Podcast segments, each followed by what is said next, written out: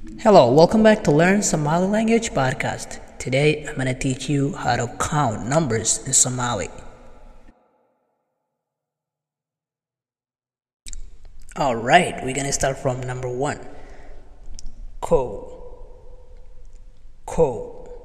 One. Laba. Laba.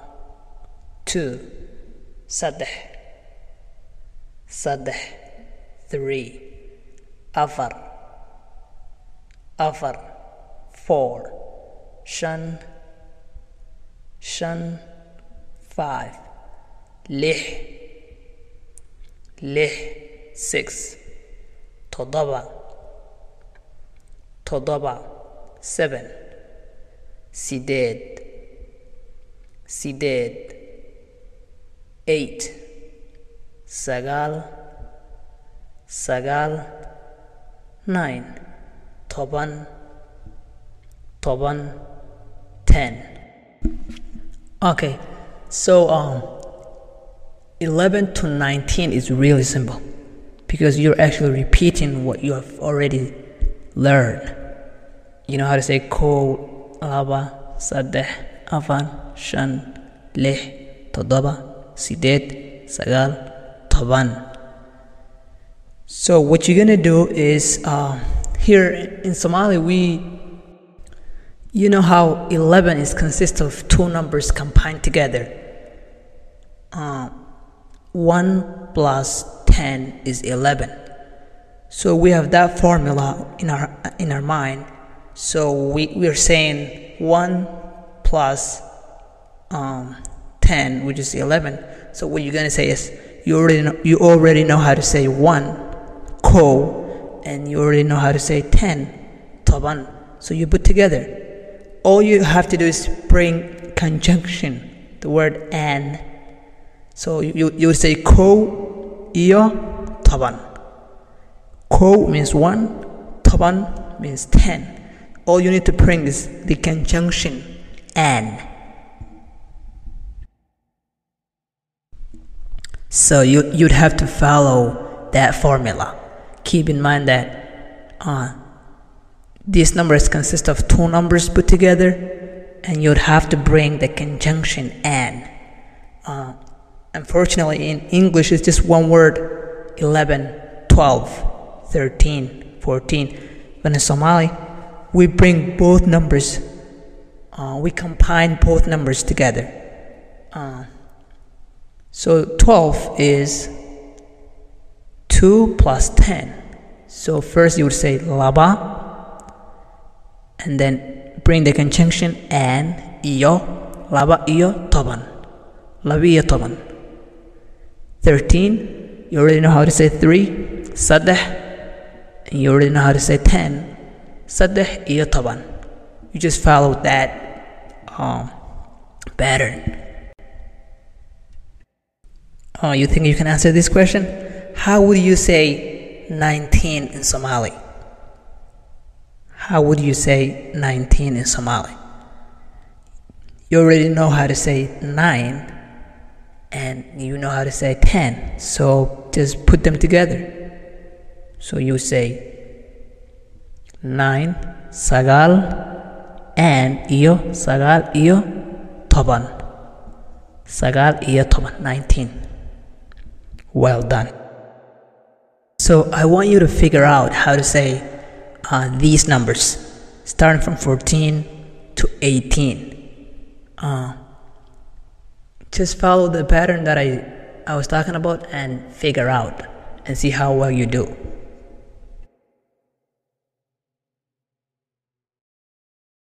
I'm trying to uh, give you an opportunity to think about uh, the uh, formula that I was talking about and put put it into good use and figure out those numbers. I really trust you guys. It's really simple. Alright, now we're gonna do 30 to 100. Okay, let's do 30 to 100. Soddon. Soddon. 30. Afartan. afartan. Forty. Konton konton fifty. Lixdan. Lixdan. Sixty. Toddobaatan toddobaatan seventy. Siddeetan siddeetan eighty. Sagaashan sagaashan ninety boqol boqol one hundred kun one thousand kun one thousand. If you feel like you got lost in somewhere just go back and listen to multiple times. Uh, that way it'll become much easier. Fantastic. All right let's go back to uh, number 11 to 19 uh, those numbers some somalis um, depends on where they live they say it different two different ways. Um, some somalis start with the big number and then they say the small number meaning you, you guys remember how, how i was saying ko iyo toban 1 and 10 11 so what they would say is they would say toban iyo ko they would say the big number first and then the smaller number. So 10 11 would be toban iyo ko 12 would be toban iyo laba. Uh, so here you have two options. You can either say um, the smaller number and then the bigger number like ko toban or you can say the bigger number and then the smaller number like toban iyo ko toban iyo laba 12 toban iyo saddex 13 toban iyo afar 14 toban iyo shan 15 toban iyo lix 16 toban iyo toddoba 17 toban iyo sideed 18 toban iyo sagaal 19 all you have to remember is that there are two ways that Somalis count numbers.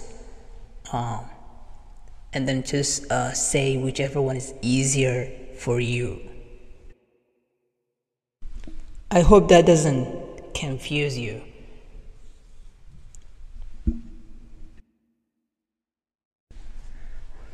Well, we are at the end of this episode, and um, I hope you have learned something new.